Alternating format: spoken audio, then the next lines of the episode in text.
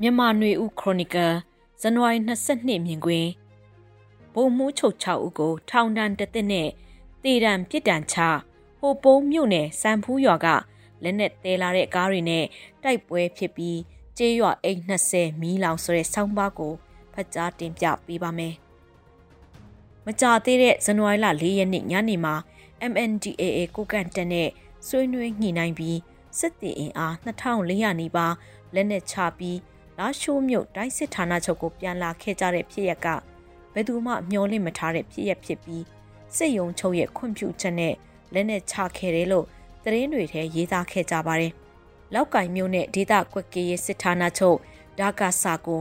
MNDAA တပ်တွေကဝိုင်းထားမိတဲ့အနေအထားဖြစ်ပြီးဒီဇင်ဘာ18ရက်လောက်ကစတင်ကလောက်ကင်မြို့မှာတိုက်ပွဲတွေဖြစ်ပွားလာရာကလောက်ကင်မြို့တွင်တိုက်ပွဲတချို့လေးချောင်းကပြစ်ခတ်တာတွေဖြစ်ပွားခဲ့ပြီး အများအမြင်မှာတော့ဒါကာဆဌာနချုပ်ဖြစ်တဲ့တောင်ကုန်းကနေခုခံတိုက်ခိုက်လိုက်မယ်လို့ယူဆနေချိန်မှာရုတ်တရက်လက်နဲ့ချတဲ့သတင်းတွေထွက်ပေါ်ခဲ့တာဖြစ်ပါတယ်။လက်နဲ့ချတဲ့နေ့ဟာတိုက်တိုက်ဆိုင်ဆိုင်ဇန်နဝါရီ၄ရက်နေ့လွတ်လပ်ရေးနေ့ဖြစ်ပြီးစစ်ကောင်စီခေါင်းဆောင်စစ်ဗိုလ်ချုပ်ကြီးတွေအနေနဲ့၎င်းတို့ကိုအဆက်ကွဲအောင်လှုပ်ဆောင်တယ်လို့ခန်းစားကြရမှာသိချပါတယ်။စစ်ရုံးချုပ်ကိုဘလို့အစီရင်ခံပြီးဘလို့ခွင့်ပြုတယ်လဲ ဒီဆုံးဖြတ်ချက်ကိုပေးပို့မှုချုပ်ကစတင်ခဲ့တယ်လေဆိုတာတွေတော့တိတိပပမသိကြရပါဘူးလက်နဲ့ချတဲ့ညမှာဝါနယ်ထဲမှာတညအိပ်ပြီးအဲ့ညညစာစားချိန်အရဲဝတ်တွေဝတ်ထားတဲ့ဘုံမှုချုပ်6ယောက်ခွတ်ချင်းတိုက်နေကြတဲ့ဓာတ်ပုံကဆိုရှယ်မီဒီယာတွေမှာပြန့်နှံ့ခဲ့ပါတယ်ဒီတပ်ပုံကိုဝါလုံခြုံရေးအဖွဲ့တွေဘက်ကရိုက်ယူပြီးပြန့်နှံ့စေတာလားတော့မသိရှိရပေမဲ့နောက်တရက်မှာ၎ င်းတို့ကိုရဟတ်ရင်နဲ့လာရောက်ခေါ်ဆောင်ပြီးလာရှိုးရမခစစ်ဌာနချုပ်မှာထိမ့်သိမ်းထားလိုက်တဲ့ဆိုတဲ့သတင်းတွေထွက်ပေါ်လာတာဖြစ်ပါတယ်။အဲဒီနောက်18ရက်ခန့်ကြာဇန်နဝါရီလ22ရက်နေ့မှာတော့ဘုံမှုချုပ်6ရက်အနစ်က3ဦးကိုတေးတန်းချမှတ်ပြီးကြံသူတချို့ကတက်တက်တကြွပြစ်ဒဏ်ချမှတ်လိုက်တယ်လို့စစ်ရုံးနဲ့နှီးဆက်တဲ့သတင်းရင်းမြစ်တွေကိုကိုးကားပြီးရှမ်းတန်တော်စင်သတင်းဌာနကဖော်ပြခဲ့ပါတယ်။လက်နက်ချရတဲ့ စစ်စော်မှုတွေထဲကတစ်ချက်ကဒါကာဆဌာနချုပ်မှာတက်မိသားစုတွေ1200ကျော်ရှိနေခဲ့ပြီးခုခံကာကွယ်တိုက်ခိုက်ကြရင်လက်နက်ကင်တပ်တွေနဲ့အတူမိသားစုဝင်တွေပါတည်ဆုံးကြရမယ်အလားလာကြောင်းလို့လဲခန့်မှန်းပြောဆိုကြတာတွေ့ရပါတယ်စစ်ကောင်စီတပ်ဖို့တော့အင်အား2400နီးပါးတပ်ဗိုလ်မှူးချုပ်6ဦးပါဝင်တဲ့တပ်တွေကလွယ်လွယ်ကူကူလက်နက်ချခဲ့ခြင်းဟာ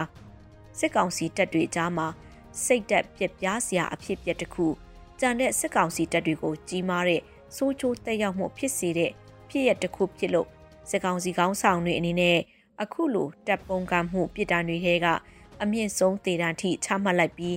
ကြံတဲ့တပ်တွေကိုထိန်းဖို့ကြိုးပမ်းမှုလည်းဖြစ်နိုင်ပါတယ်အခုလိုတပ်မှလည်းနဲ့ချခဲ့ရင်စစ်ခုံရုံးတင်စစ်ဆေးခံရတယ်ဆိုတာကိုအားလုံးသိရှိထားကြပေမဲ့အခုလောက်ဒေတာအထွေ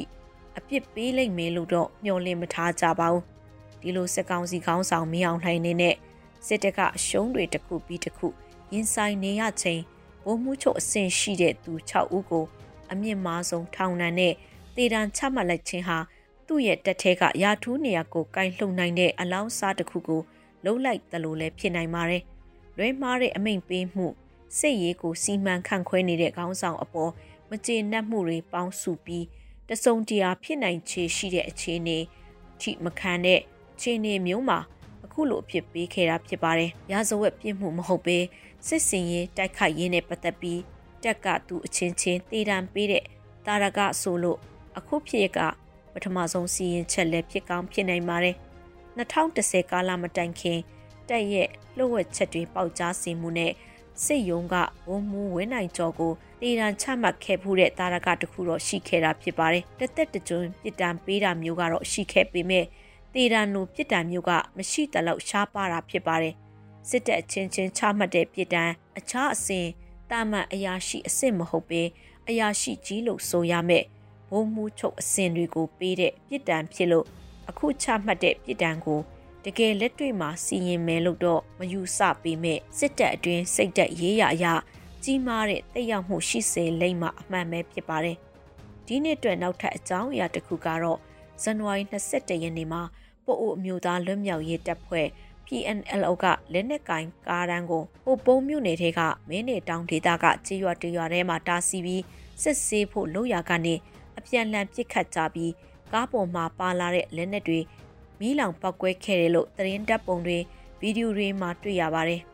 ချေမုံရီလက်နက်ငယ်အလက်900ကျော်ရှော့တိုက်ဒုံးနဲ့ RPG တွေဒုံးသီးတွေနဲ့လက်နက်ငယ်ကြီးတွေ3000ကျော်ပါရှိရလို့ခမှန်းဖော်ပြထားကြတာတွေ့ရပါတယ်။ PNLO ကားတန်းကိုစစ်ဆေးရမှာစစ်ကောင်စီတပ်တွေနဲ့တွဲဖက်လှုပ်ရှားနေတဲ့ဥအောင်ခန်းချီရဲ့ PNO တပ်တွေပူးပေါင်းပြီးစစ်ဆေးရကပြစ်ခတ်မှုဖြစ်ကကားတွေနဲ့လက်နက်တွေမီးလောင်ပောက်ကွဲပြီးကြေးရွာကလူနေအိမ်20ကျော်ပါမီးလောင်ဆုံးရှုံးခဲ့ရတာဖြစ်ပါတယ်။